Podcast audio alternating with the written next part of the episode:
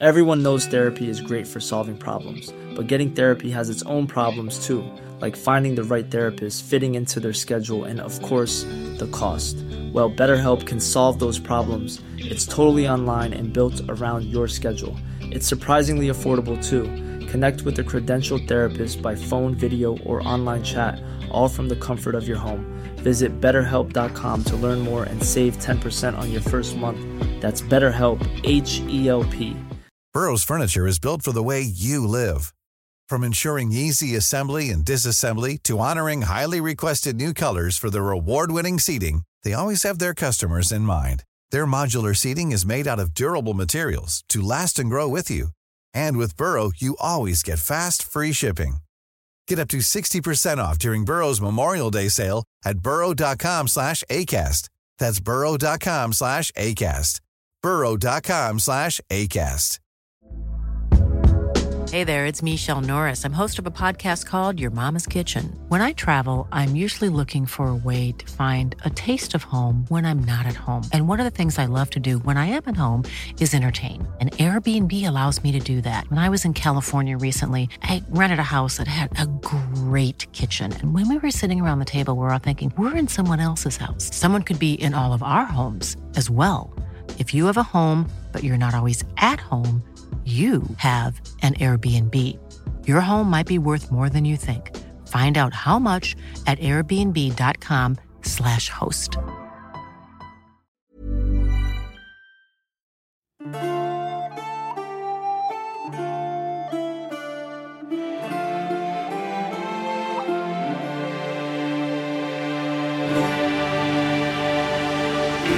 Velkommen til Mægtige Middelalder. En podcast, hvor middelalderforskere taler om den magiske, mystiske og frem for alt mægtige middelalder. Mit navn er Thomas Ebelholm, og når jeg ikke er vært på denne podcast, er jeg lektor i middelalderhistorie på Syddansk Universitet.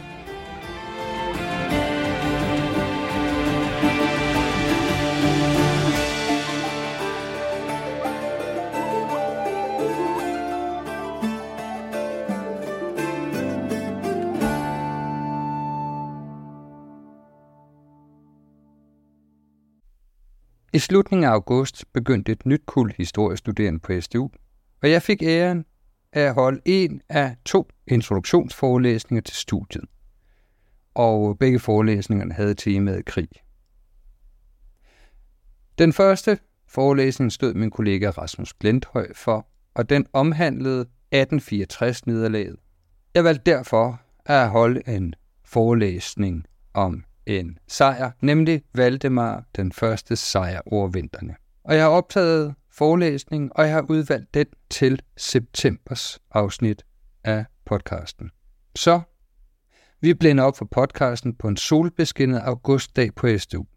Og til forelæsning havde jeg en PowerPoint-præsentation, og billederne derfra lægger jeg på podcastens Facebook og Instagram-sider, så interesseret også lige kan se, hvilke billeder, der jeg taler om undervejs. Rigtig god fornøjelse.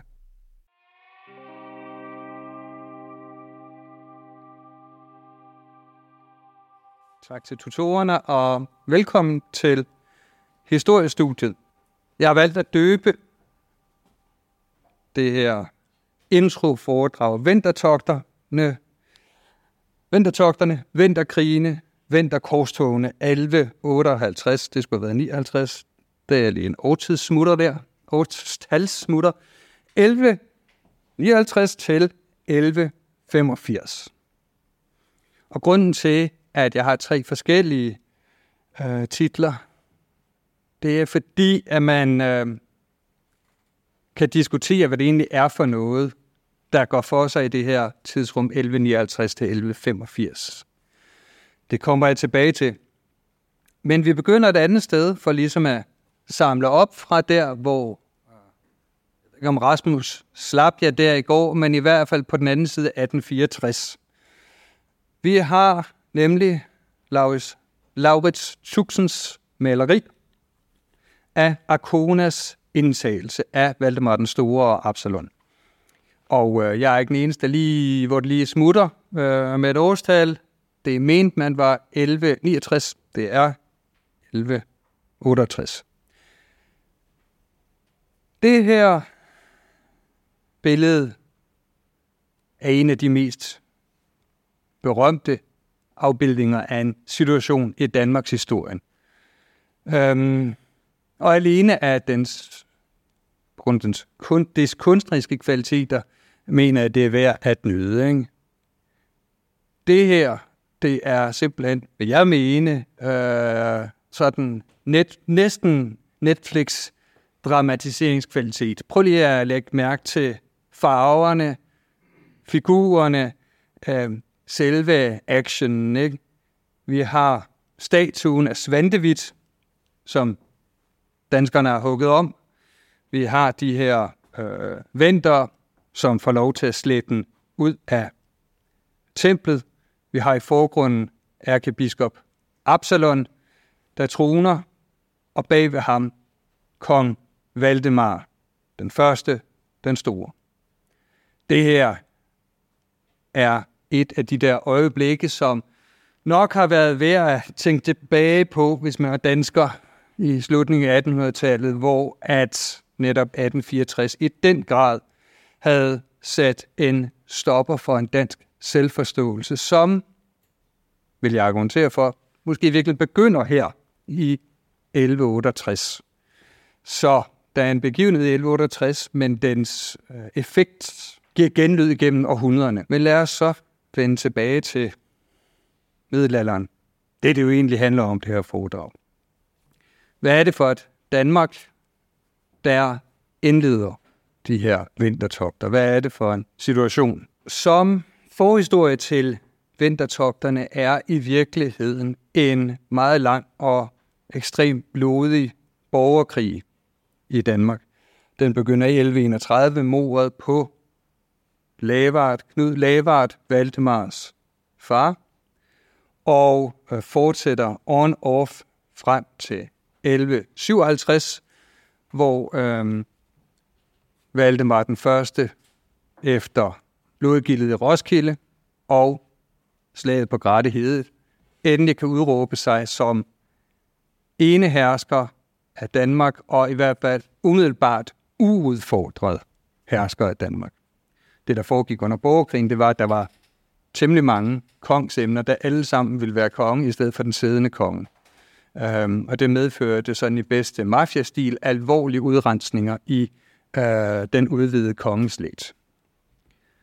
Men øh, sådan en borgerkrig, den er ødelæggende. Landet er på mange måder i ruiner, og selvom vi ikke rigtig ved, hvor meget borgerkrigen har ramt sådan den almindelige dansker, men oppe i eliten, der er det gået hårdt for sig. Og øh, Valdemar er måske nok kongen, og borgerkrigen er måske nok forbi. Men der er masser af fjendskab, der lurer under overfladen. Øhm, Sax Chromaticus, som vi kommer til at høre om, lidt senere i foredraget øh, beretter, hvordan omkring Valdemars øh, tronbestigelse, at der er forskellige skår, der skal klinkes, men at der er flere øh, partier, der egentlig stadig har et horn i siden på hinanden.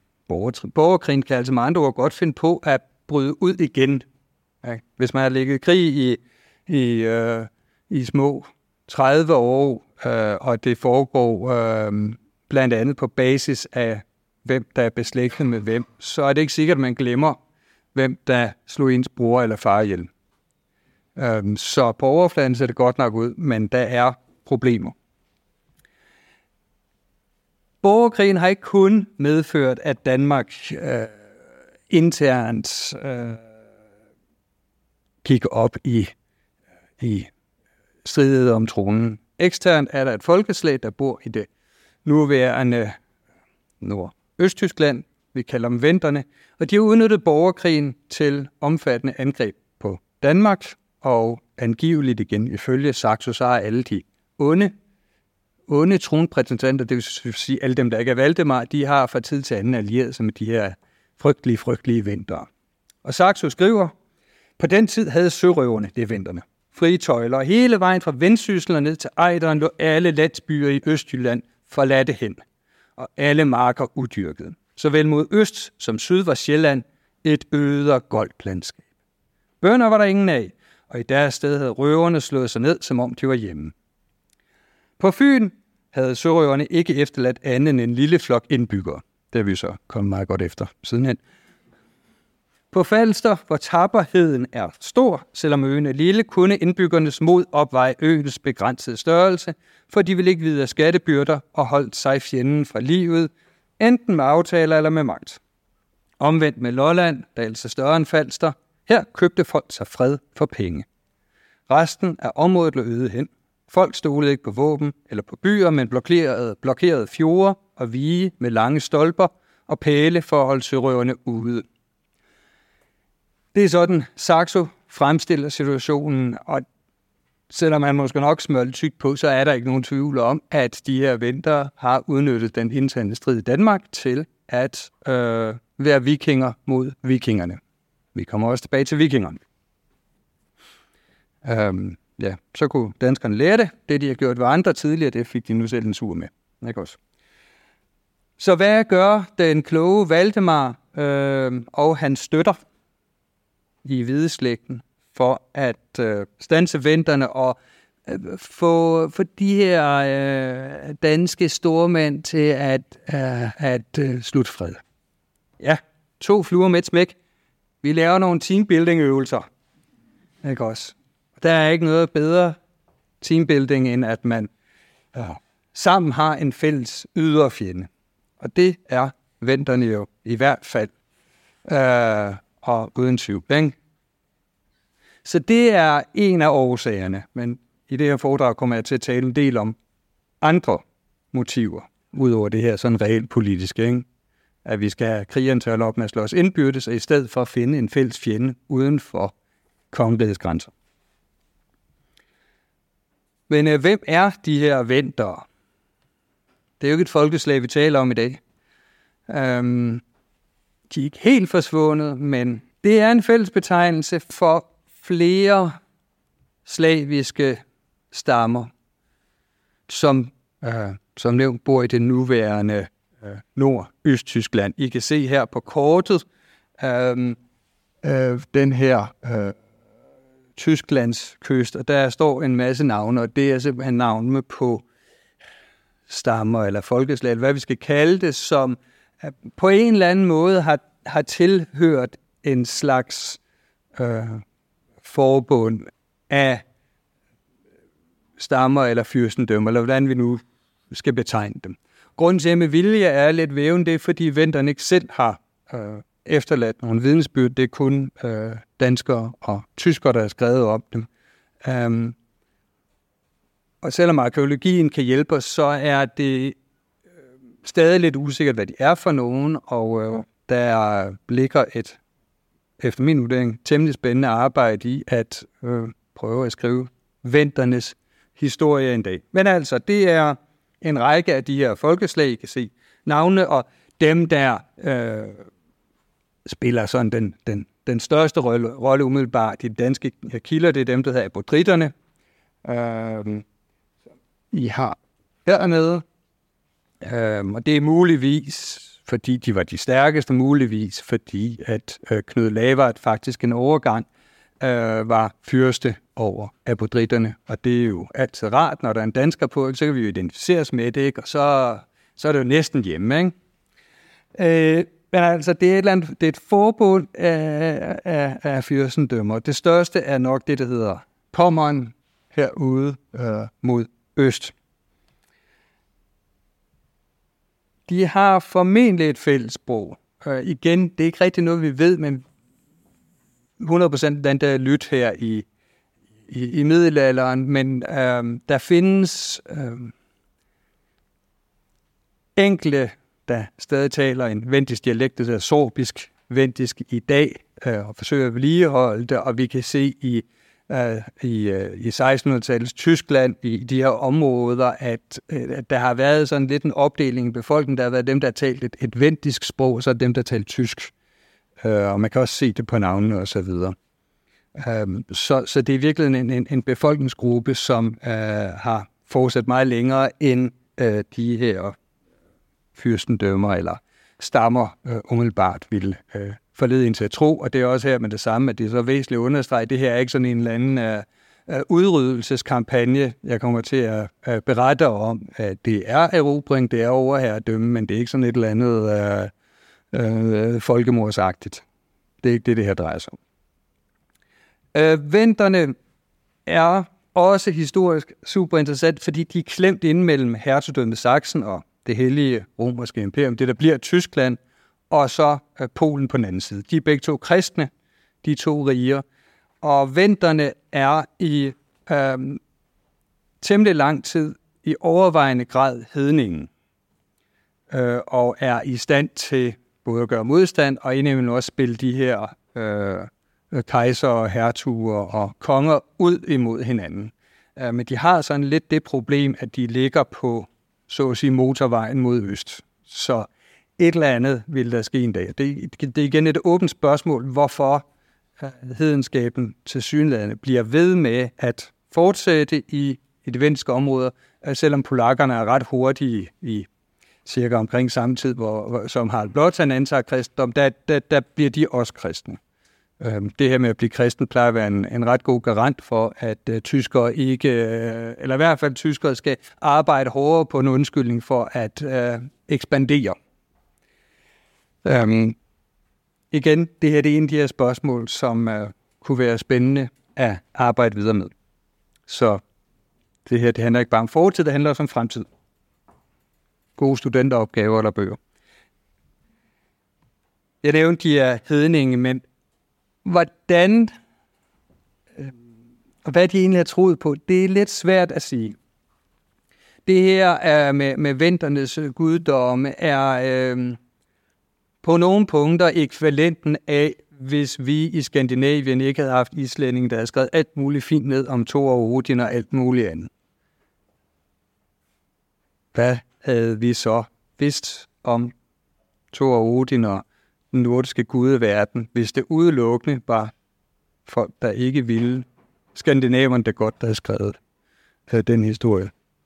Øh, og det er, øh, det er egentlig, synes jeg, ret væsentligt at tænke med også, når vi øh, tænker den nordiske gudeverden, øh, fordi det er altså ikke fra øh, et eller andet skandinavisk urfjeld. Det er altså også konstrueret, og øh, det, jeg lært i folkeskolen, ret med, at det passer ikke. Beklager. Øh, og hvilken hedenskab vi har haft blandt vinterne, er også sådan lidt usikkert. Øh, og når vi kommer op til 1100-tallet, så er der i hvert fald nogen af dem, og en del af deres ledere, der faktisk er kristne, men hvor befolkningen til synlædende er hedenske. Og der ser det også ud som om, at der nogle gange er sådan nogle kupforsøg i venten, hvor at kupmagerne stedet udråber sig som hedninge i opposition mod den tidligere hersker, som de så fremstiller som en eller anden tysk øh, marionet. Men altså, de her hedenske guddomme, den vi kender bedst i, i Danmark, det er Svantevit, det var ham, I så på Laurits Tusinds billeder. Her har I igen øh, Louis Mo's øh, afbildning af Svantevit fra, øh, fra hans øh, illustrationer til, til Saxos Danmark historie, den gamle. Øh, og Svantevit er sådan en firehovedet gud. Øh, vi kan faktisk også se ham i filmen The, The Northman. Øh, og der må jeg bare sige, jeg tror ikke rigtig på, at der har været nogen øh, ude østpå i det nuværende Ukraine og Rusland, der, der har øh, tilbedt en, en svantevit. Han virker super lokal. Øhm, og generelt en af de andre problemer, vi har med de her øh, vendiske guder, det er, at øh, noget af det er afgjort true, local, indfødt, og noget af det er oplandet med nogle romerske myter om, hvordan øh, hedenske guder er, ligesom de øh, skandinaviske guder det også er. Øh, så det er lidt svært at få styr på, hvad det egentlig er for nogle, nogle guder. Men den her med en, med en firehovedet guddom, den, den ser ud som om, den er rigtig nok, øh, også fordi vi har smykker og, og andet efterladenskab fra vinterne, der peger på, at man har haft sådan nogle øh, øh religiøse forestillinger.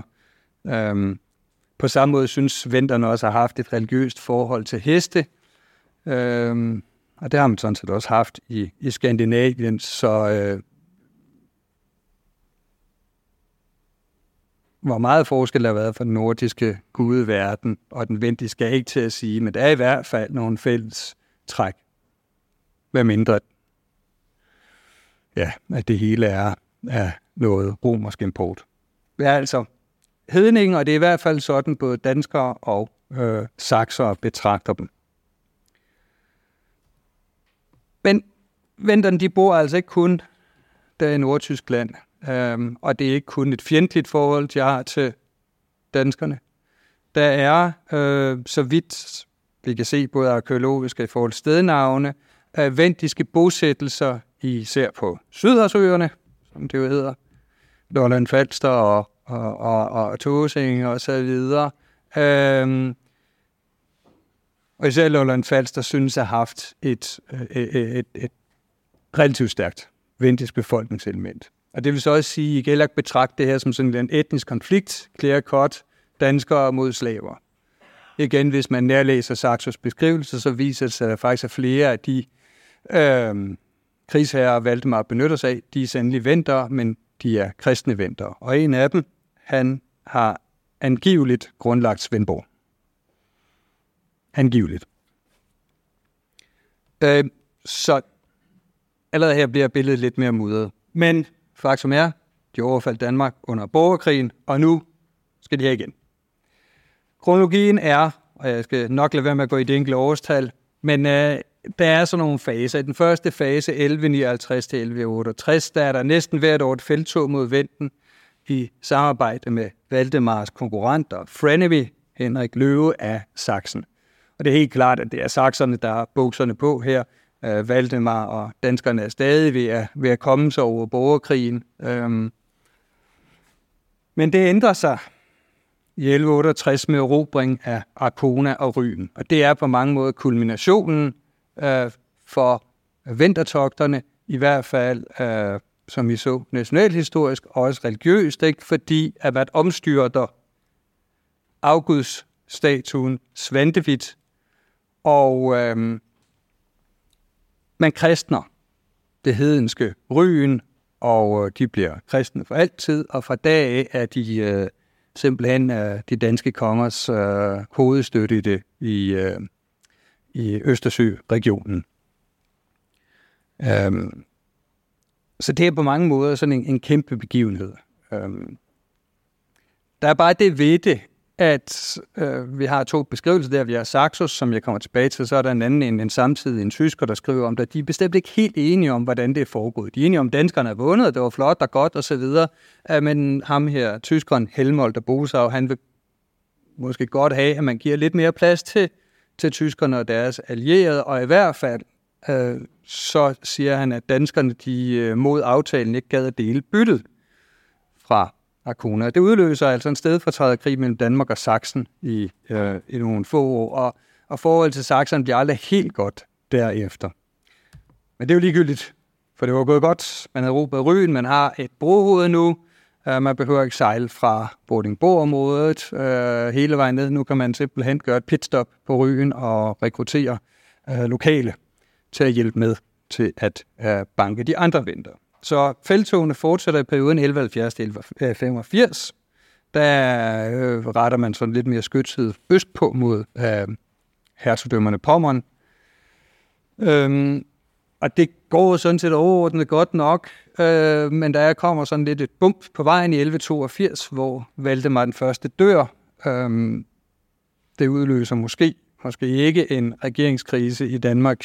Øh, hans søn Valdemar, øh, ikke Valdemar, hans søn Knud den 6. følger i hvert fald på tronen og får afsluttet farens projekt. Og i 1185, der har man simpelthen underlagt sig hele Østersøkysten og Venten, og de anerkender den danske konge som deres overherre. Hurra! Jeg skal nok komme tilbage til konsekvenserne af det her sidenhen. Den måde, det her foregår på, sådan meget kort, øh, og uden det bliver særlig militærteknisk, det er, det er sådan en blanding af sådan nogle vikingagtige søangreb, øh, og så beredende pansrede ryttere, lidt ligesom I forestiller det før. Øh, middelalderens, øh, fra middelalderfilm, ikke? også med, med sådan nogle ridder, der dunder hen over en mark. Ikke? Øh, det ser ud som om, det er sådan en, en, en, øh, sådan en combined arms, vil man nok kalde det i dag, ikke? Og, noget amfibiekrig, hvor man sejler ind til kysten, og så lander man gutterne, og så tordner de ellers igennem de der vendiske områder og hakker løs. Ikke? Øhm, og hvis man læser Saxo, så, så, har det, øh, så har det set imponerende ud. Ikke? Yes. Jeg kredser om nogle gange. Saxo Grammaticus. Hvem er han? Hvad ham? Nej, det er ikke Merlin. Det er, men det er rigtigt, det er Louis Moos fremstilling af, af, af, af Saxo. Og sådan der har han helt sikkert ikke set ud. Men jeg synes, det er så prins Valiant-agtigt flot, at jeg altid bruger det alligevel. Men han har stensikkert ikke set sådan der ud. Ikke? Ja, men det er rigtigt, at der er sådan noget Merlin over, for han ligner lidt uh, Hal Fosters uh, troldmænd for de her prins Valiant-tegneserier. Så det er jo rigtigt, ikke? Um, på den måde. Jeg har nævnt, der er andre kilder til vintertogterne, men altså det største sammenhængende kilde, det er Saxo Grammaticus, fuldstændig monumental Danmarks historie, Gesta Danorum, som er færdig cirka omkring 1208, altså små 20 år, 20, 25 år efter vintertogterne er slut. Og der spiller vintertogterne spiller en kæmpe rolle i det her værk, øh, og rent øh, størrelsesmæssigt, altså som bøger, som fysiske objekter bøger, øh, der er det måske en af, af middelalderens længste sammenhængende tekster. Ikke? Og her skal I huske, at det er håndskrift, og håndskrift det betyder, at man har skrevet det i hånden, ikke? så at det har været et kæmpe, kæmpe stykke arbejde. Okay? Saxo selv har tidligere, tidligere historikere gerne vil fremstille som en, en kriger, der så på sine gamle dage øh, besluttede sig for at skrive historier. Det er der altså ikke rigtig noget, der tyder på. Han har været det, ved en kanik, det er sådan en, øhm, altså det er en, en, en, en gejstlig ved et, ved et domkapitel. I det her tilfælde domkapitel i Lund. Det er der, hvor den øh, ærkebiskoppen for Danmark og til tider for hele Norden residerer. Og kanikerne er sådan en slags øh, lærer og administratorer osv. Og, og han skriver for den danske kongemagt, især deres støtter i hvideslægten, øh, ledet af øh, den navnkundige ærkebiskop Absalon.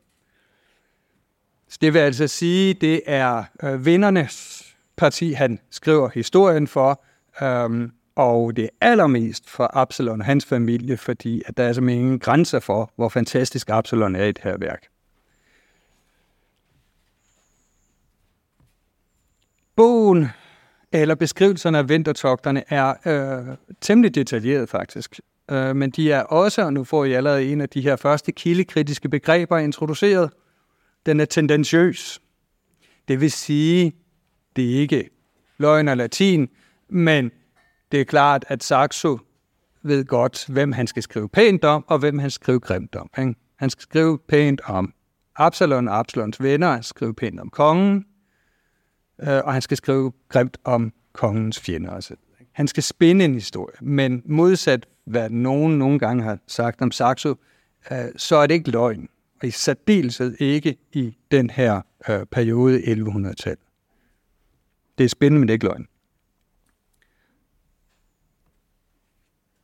Saxo introducerer et indiskutabelt motiv for vintertogterne.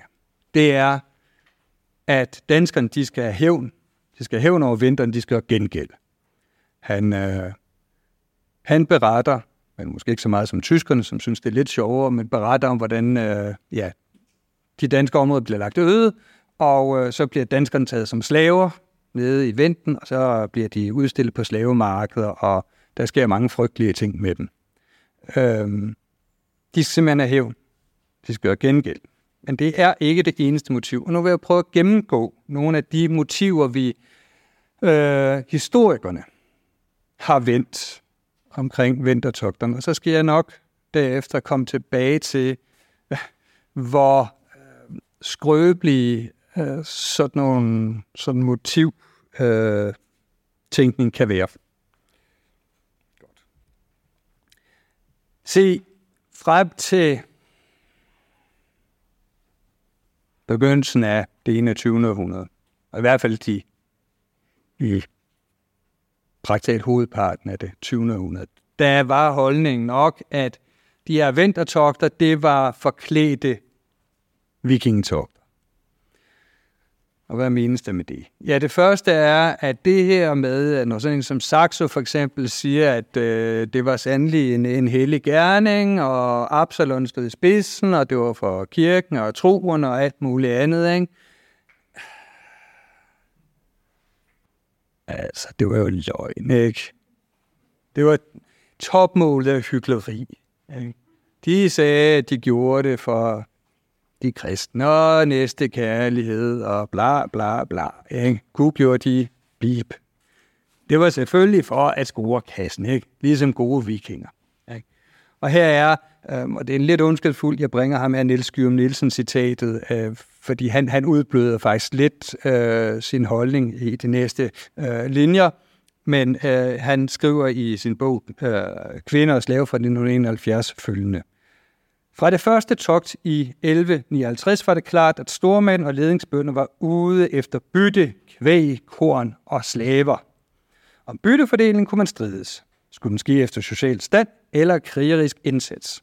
Givet var, at fjenderne efter nationernes elgamle praksis skulle betale krigsførelsen.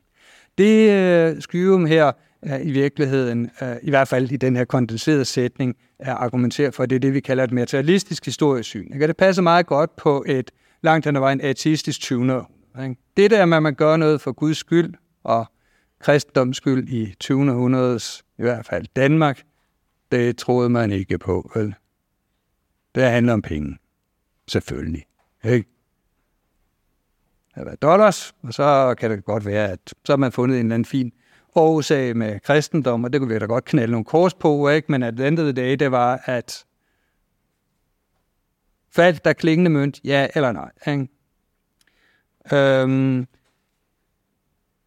Skyrum kommer så også i den her uh, sætning, og derfor har jeg taget den med til at illustrere noget, som på en måde uh, også øh, lidt, lidt ødelægger det her materialistiske øh, argument, eller i hvert fald problematiserer det. Ikke? Fordi han siger, at de er ude efter bytte, kvæg, korn og slaver. Øh, og det lyder grimt, ikke? Men det, der er ved det, ja, han fortsætter også med, at øh, nationernes elgamle praksis, ikke, at, at dem, der bliver besejret de specielt krigsførelsen, altså meget andre ord, de bliver udplyndret. Ikke?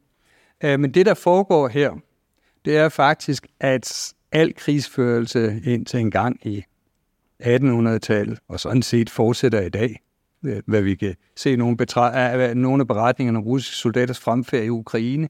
Al krigsførelse, øh, i hvert fald for ikke så lang tid siden, det handler blandt andet også om at udplyndre fjenden. Ikke?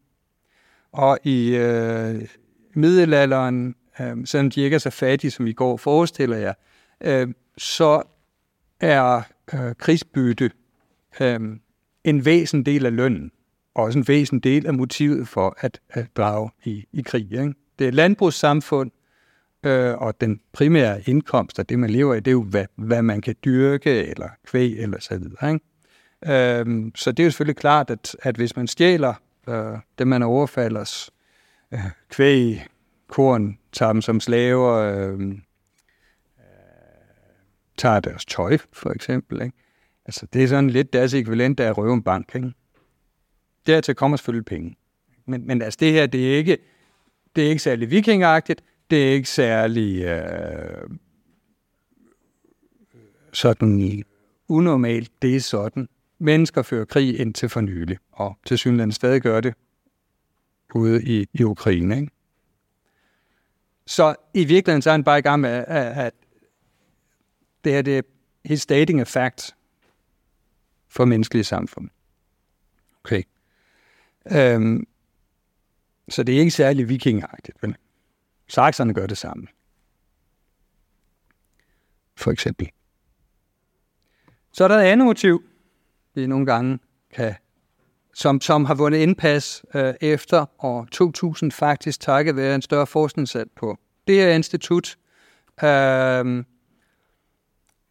Kurt Villers Jensen, som var lektor her og nu er professor i Stockholm, han øh, ledte et større forskningsprojekt, som vil gøre op med det her materialistiske syn på øh, vintertogterne og det hele taget religiøsitet i, i, i dansk 1100-tal. Han har argumenteret meget, meget kraftigt for, at der var tale om et korstog.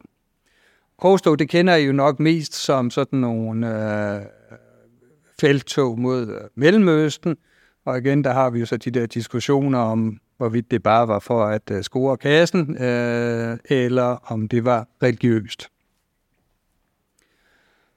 Men hvis man nu tager religion alvorligt som motiv, som Kurt har gjort, ja, hvilke tegn er der så på, at øh, danskerne i 1100-tallet faktisk har betragtet det her som et korstog? Ja, Kurt og, og, øh, og, og, og folk på hans forskningsprojekt argumenterede for, at Øh, paven i hvert fald så velvilligt på de her feltog, og at han øh, godkendte en af dem som et decideret korstog. Øh, det er en afleder af det, der hedder et andet korstog i 1140'erne. Og det går af Pommeren til øvrigt for danskerne, så det er sådan lidt, lidt pinligt på alle planer. Men altså, der er Kurt og øh, kolleger har udstrukket det her sagt, ikke, at hvis, hvis der var en pavelig godkendelse og hvert fald øh, velsignelse af det her andet korstog oppe mod vinteren, så var der sgu nok også resten af vejen. Det kan man diskutere på teknikaliteter, det gider vi ikke snakke mere om nu. Øh, men hvis vi kigger på Saxos beretning, øh, så er det korrekt, at hvis man nærlæser det, øh, dem, så viser det sig egentlig, at, at religionen har fået en meget større plads end øh, en tidligere tiders forsker ville tilkende Saxo. Man havde sådan en tendens til at, at se Saxo lidt som ham der, den der gamle, stramtandede uh, øh, Merlin der, ikke? Uh, og han var sådan en slå på tæven type, uh, som måske virkelig ikke var særlig kristen, og i hvert fald kristendom, det, det var ikke helt så væsentligt som sådan en god vikingetik med at slå først og spørge bagefter. Men hvis man nærlæser Saxo, um, et, så passer det indiskutabelt ikke og to, at han har faktisk nogle elementer, hvor, hvor det begynder at ligne noget, man måske med god ret kunne argumentere for, at var korstog. Vi har for eksempel dem, der kaldes Hvedemands lag eller Hvedemands pirater, Øhm, og der er en lang passage hos Saxe, hvor han sådan beskriver, hvordan de udruster sig, og øh, det skal jeg ikke kede jer med. Men en af de ting, der er interessant, det er, at de, de skrifter, inden de drager på, øh, på togt mod vinterne, øh, og gør de der pirattogter, det bliver så at sige sådan fremstillet som sådan en slags øh, øh, forsvarskrige i en angrebsform. Ikke? Øh, og det er også derfor, jeg nogle gange kalder dem kristikaber. Fordi måske var de ikke pirater i virkeligheden, men i, i Saxos optik måske var de faktisk sådan nogle øh, private danskere, der organiserede sig selv for at, at forsvare Danmark øh, mod den her udenlandske fjender, mens kongerne lå og brugte tid på at hakke hinanden i stykker, i stedet for at lave deres rigtige job at beskytte danskerne. Erobringen af Arkona igen, hvis man lærer, nærlæser den, ja, så er der måske noget, der tyder på, at det faktisk var Sankt Vitus, der sikrede sejren. Det vil sige et mirakel, der indtraf. Og det ikke var danskernes våben alene. Øhm, og at Sankt Vitus var vred, fordi at Svantevit, som vi så tidligere, ifølge Saxo og andre, var en forvaskning af netop Sankt Vitus, Altså, der var missionærer, der sådan set havde installeret en øh, kristendom på ryen, men så havde de der utaknemmelige ven, der jo så snart de der, sejre, de der kristne vendte ryggen til, så de dolket dem i ryggen og væltede, øh, øh, væltede øh, øh, kulten til Sankt Vitus, og i stedet for at udskifte med Svendevit. Ikke?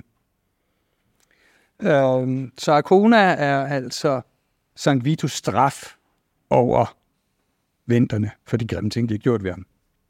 Absalon bliver konsekvent beskrevet som at være næsten på en guddommelig mission for at befri fædrelandet. Fædrelandet som udtryk patria. Den kommer jeg til lige i næste slide. Og Saxo, den her synes jeg er, er sådan ret interessant, også fordi den siger noget om Saxos religiøsitet. Det er, han skriver på et tidspunkt under vintertogterne. Øh, danskerne har været i gang med at slås nogle vinter, ikke? Og, og så er de så øhm, slået på flugt. Venterne blev slået på flugt. Og så skriver han, resultatet var, at venterne forsvandt til alle sider. Nogle over land, andre gennem sumpede områder. Og ved den lejlighed var der en ædel ridder. Ædel både af slægt og sind ved navn Eskil, der til fods og iført hele sin tunge, øh, sit tunge udstyr, altså sådan fuld ringebrynje og, og så videre, ikke også, satte efter en af dem, der helt ubevæbnet løb alt, hvad han kunne, ud over et mosedrag. Vinterens fødder sank dybt i den bløde grund. Men Eskil lod sig hverken hindre af mosedønnet eller af sin tunge rustning, og kun uden besvær løb ham op. Og ikke nok med det. Så snart han havde fået tag i barbaren, huggede han hovedet af ham, hvorefter han vendte tilbage til det faste land, uden så meget som en mudderplet på fodsålerne. Det er en bedrift, der kalder på andægtig beundring, for den skyldes ikke rappefødder, men Guds nådegave, og bør snarere betragtes som et himmelsk mirakel end en menneskelig heltedåd. Ikke? Altså, det her ikke, det er næsten en perversion af Kristus, der går på vandet. Ikke? Men øh, det er jo den gode sags tjeneste. Ikke? Altså, Gud er simpelthen helt nede i detaljen her, ikke? Og, og hjælpe danskerne. Der kan ikke være noget tvivl, vel? Det her, det er bare noget, Gud giver thumbs up. Okay. Det er jo fint nok, det, er, det ligner jo alt sammen korstog. Der er bare det ved det, at hvad er et korstog egentlig? Jeg siger det, og I forstår måske instinktivt, hvad det er. Øh, men hvis vi tager George Bush, øh, præsident George Bush blonder i forbindelse med Irak-krigen, eller også var det Afghanistan, ikke, hvor han siger, at de skulle indlede et, et korstog mod Mellemøsten. Ikke? Det er klart, hvordan man har opfattet det i Mellemøsten, men det er også lidt uklart, hvad det er, Bush egentlig har forestillet sig. Han har jo ikke forestillet sig, at han skulle gentage det første korstog, vel? Altså, det var jo ikke det, der var meningen, vel?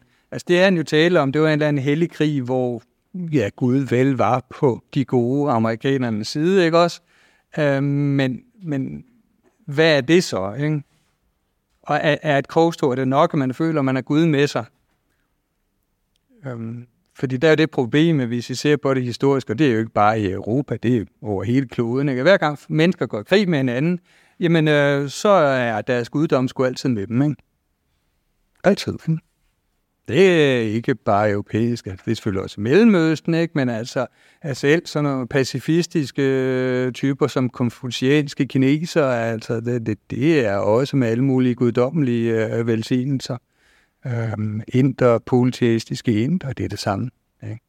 Så at, altså, er det nok, at den, at man føler, at Gud er med en, og der måske er nogle religiøse autoriteter, der, der bakker op om det. Hvad er egentlig korstog? Det er derfor, jeg er sådan lidt plus minus. Er det korstog, det her, sådan som I opfatter det til uh, Mellemøsten eller Spanien? Er det det samme, eller, eller er det noget andet? Måske er det bare en helliggjort krig.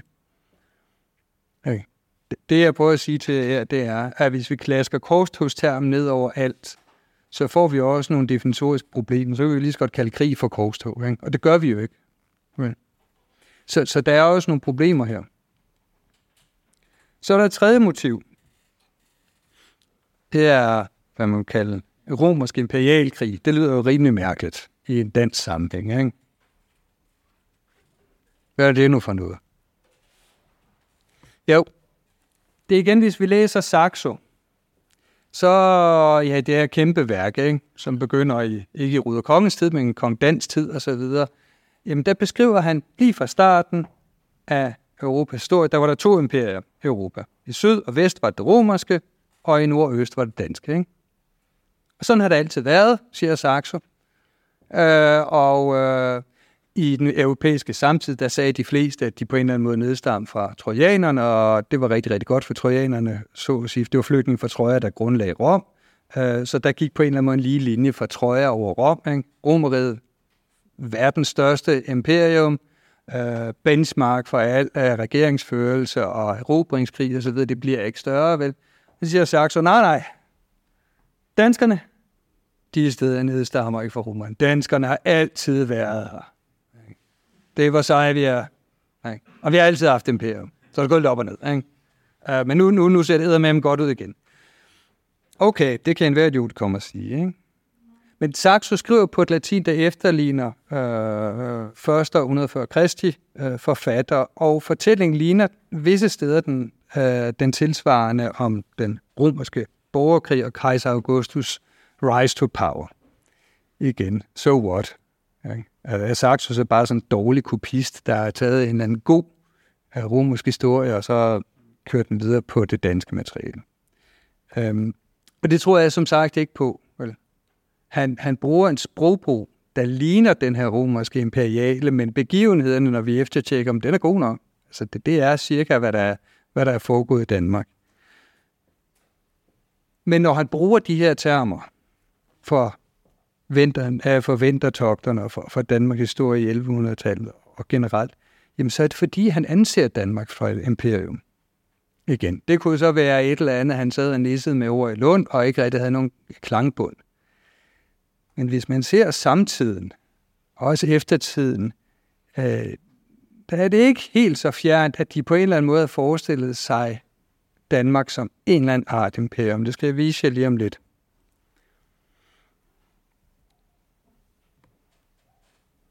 Så altså, hvis vi, vi lige afslutter den her med, med Ventertogt som imperial krig, jamen altså, så er det måske for, for samtiden, det er kristent. Indiskutabelt. Jeg har lige set det her mirakel. Ikke? Der er bytte i det. Selvfølgelig er der det. Ikke? Det gjorde romerne jo også. Altså, øhm, men formålet er også at udbrede dansk imperium, fordi det er bare godt. Ikke også? Øh, og her kommer så den her øh, næste problematisering. Ikke? Jeg har jo fremlagt en masse motiver for jer. Ikke? Øh, og de her motiver, de skifter jo sådan lidt alt efter, hvilken tidsperiode historikerne skriver i. Jeg har nævnt 20. århundrede havde en materialistisk tilgang. Ikke? Her i begyndelsen af det 21. århundrede, der kom det åndelige ind. Ikke? Det kan man jo så spekulere på, hvad det er, der er foregået de sidste 20 år, som gør, at vi har taget det åndelige meget mere uh, alvorligt. Ikke? Øhm, og her på det sidste, der er vi jo, der er der jo en del diskussion af imperier. Øhm, det ser jo også ud, som om det er ved at snige sig ind i, i forskning, og der er jeg jo sådan set selv skyldig, for jeg er en af dem, der argumenterer for, at der ligger noget imperialt i det også. Ikke? Så kan det godt være, at jeg bare er en, en dårlig medløber. Det ved jeg ikke. Det er da godt være, ikke? Men det er bare også for at sige historisk hvor meget den er indlejret i den tid, øh, man sidder i. Og nu forsøger jeg at tage et, et skridt væk, og så...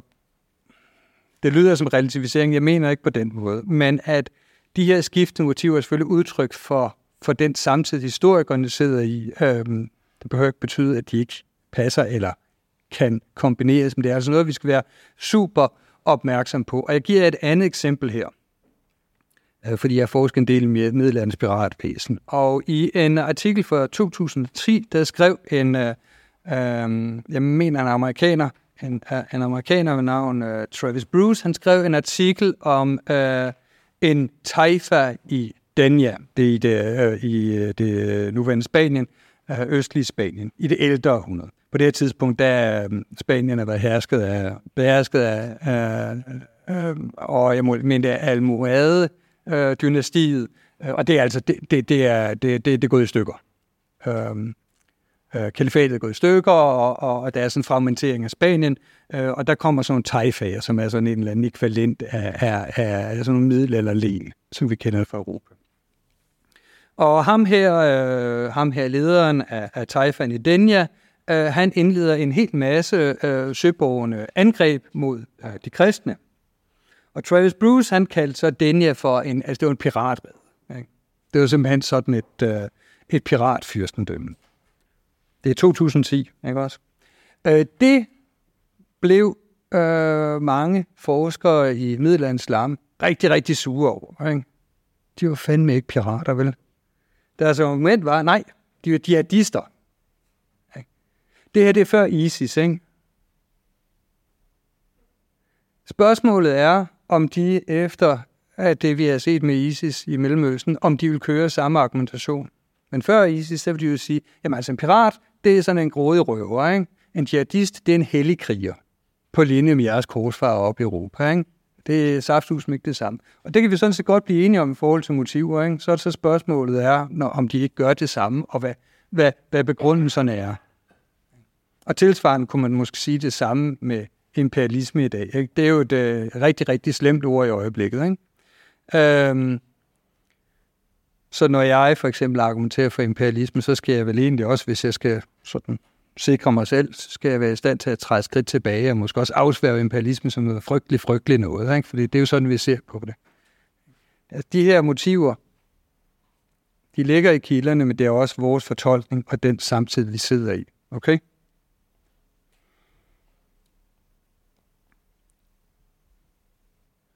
Vi kommer nu til afslutningen, ikke? fordi jeg lovede, at det her øh, øh sådan øh, kan genklang gennem århundrederne.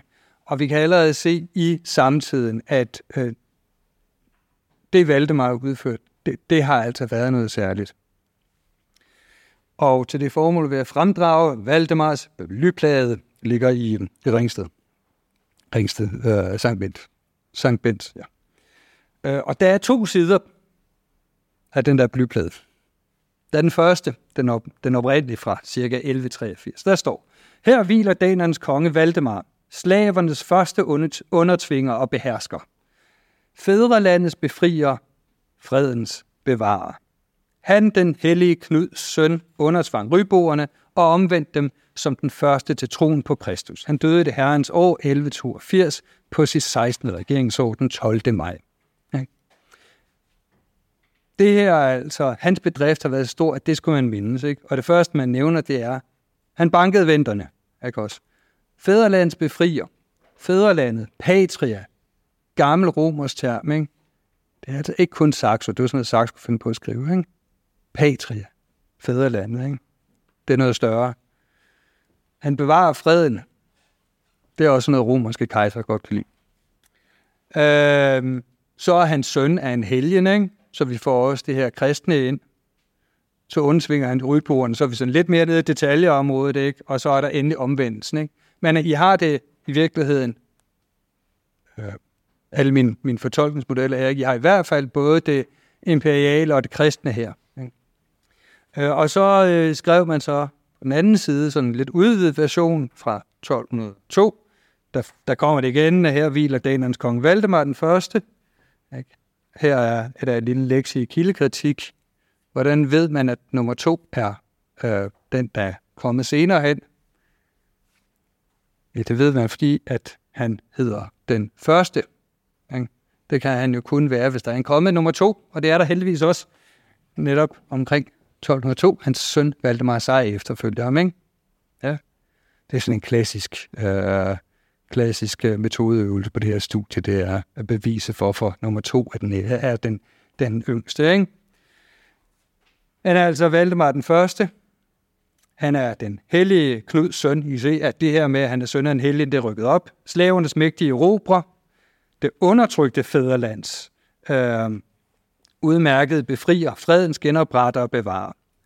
Han undertvang lygtigt. Ryboerne ødelagde deres afgudsbilleder og omvendt dem som den første til troen på Kristus. Han anlagde også som den første til hele rigets beskyttelse en mur af brændt sten, som i almindelighed kaldes Dannevirke, og byggede tårn på Sprogø. Og så døde statuen, ikke?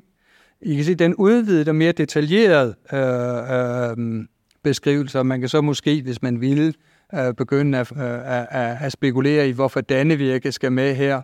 Øh, det er nok fordi, at øh, forholdet til øh, den øh, tyske kejser, det er ikke så godt mere. Ikke? Så det er måske meget rart, at han har, han har bygget den her mur.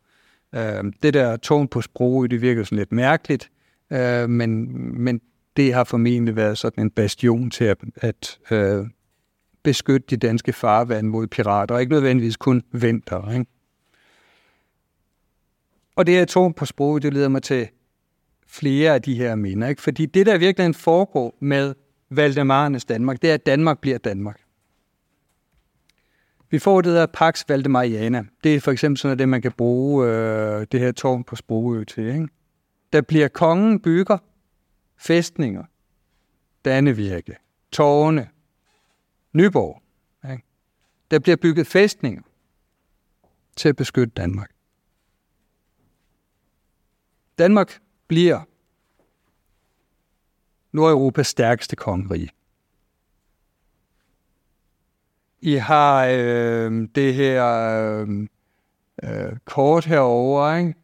Det er måske lidt liberalt, men, men teknisk set er det i hvert fald de her områder, øh, danske konger fra Valdemar den anden øh, sejr øh, øh, erklærer de her herredømme over. Altså ikke kun øh, middelalderens Danmark med Skåne, Halland, Bleking og Slesvig og så videre. Det er sandelig også, øh, vi tager den sidst, Holsten, Venterne, men også hele Pommern, Estland og så videre. Ikke? Øh, I kan godt se, det her imperium, det er ikke bare topsnak, og når man øh, sidder i begyndelsen af 1200-tallet, der er der ikke nogen grund til at tro, at det ikke kan fortsætte. Det gør det så ikke. Øh, af forskellige årsager, som jeg kan tid til at gå ind i her. Men, men Pax Valdemariana, den valdemarianske fred. Og det, har andre med, øh, det medfører andre ting. Vi får et, et fast dynasti, ved godt, at kongen fører, tilbage, fører sig tilbage til af Gorm Gamle og så videre. Det kan vi måske også godt sige, men altså, jeg vil hæve det, det først fra alvor fra Valdemaren, at vi, vi får sådan et fast, fast dynasti. Um, I får uh, et lovkompleks, det der hedder landskabslovene, med, med, med jyske lov ikke mindst. Altså vi får simpelthen love fra kongeriget. Ikke? Uh, der kommer bydannelser. Rigtig, rigtig, rigtig mange af de danske byer opstår på det her tidspunkt, netop som følge af uh, den her fred.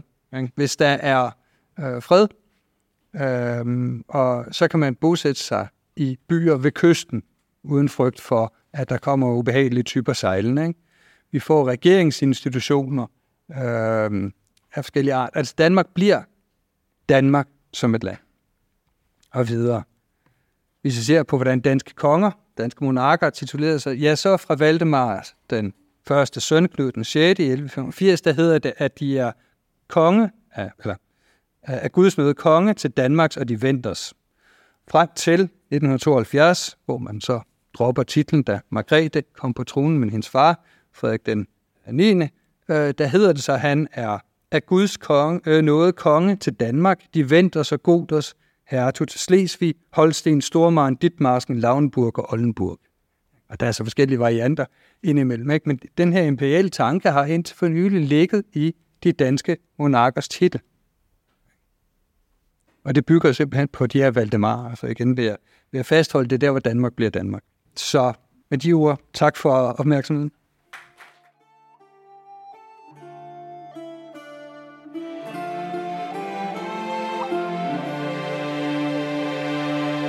Det var alt for nu på Mægtige Midland. Jeg håber, I har nydt dagens episode. Podcasten kan I finde på de fleste podcastafspillere, og husk at anmelde os derinde, så bliver det lettere for andre at finde podcasten. I kan også følge os på Facebook og Instagram, og intromusikken var af Nicolas Soto Urea, og underlægningsmusik og effekter er skabt af Anton Færd. Ha' det godt derude. Jeg håber, I vil lytte med en anden gang.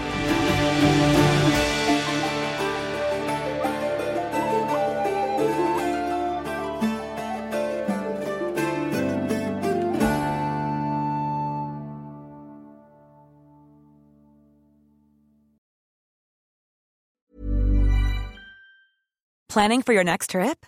Elevate your travel style with Quince. Quince has all the jet setting essentials you'll want for your next getaway, like European linen, premium luggage options, buttery soft Italian leather bags, and so much more. And is all priced at 50 to 80% less than similar brands. Plus, Quince only works with factories that use safe and ethical manufacturing practices.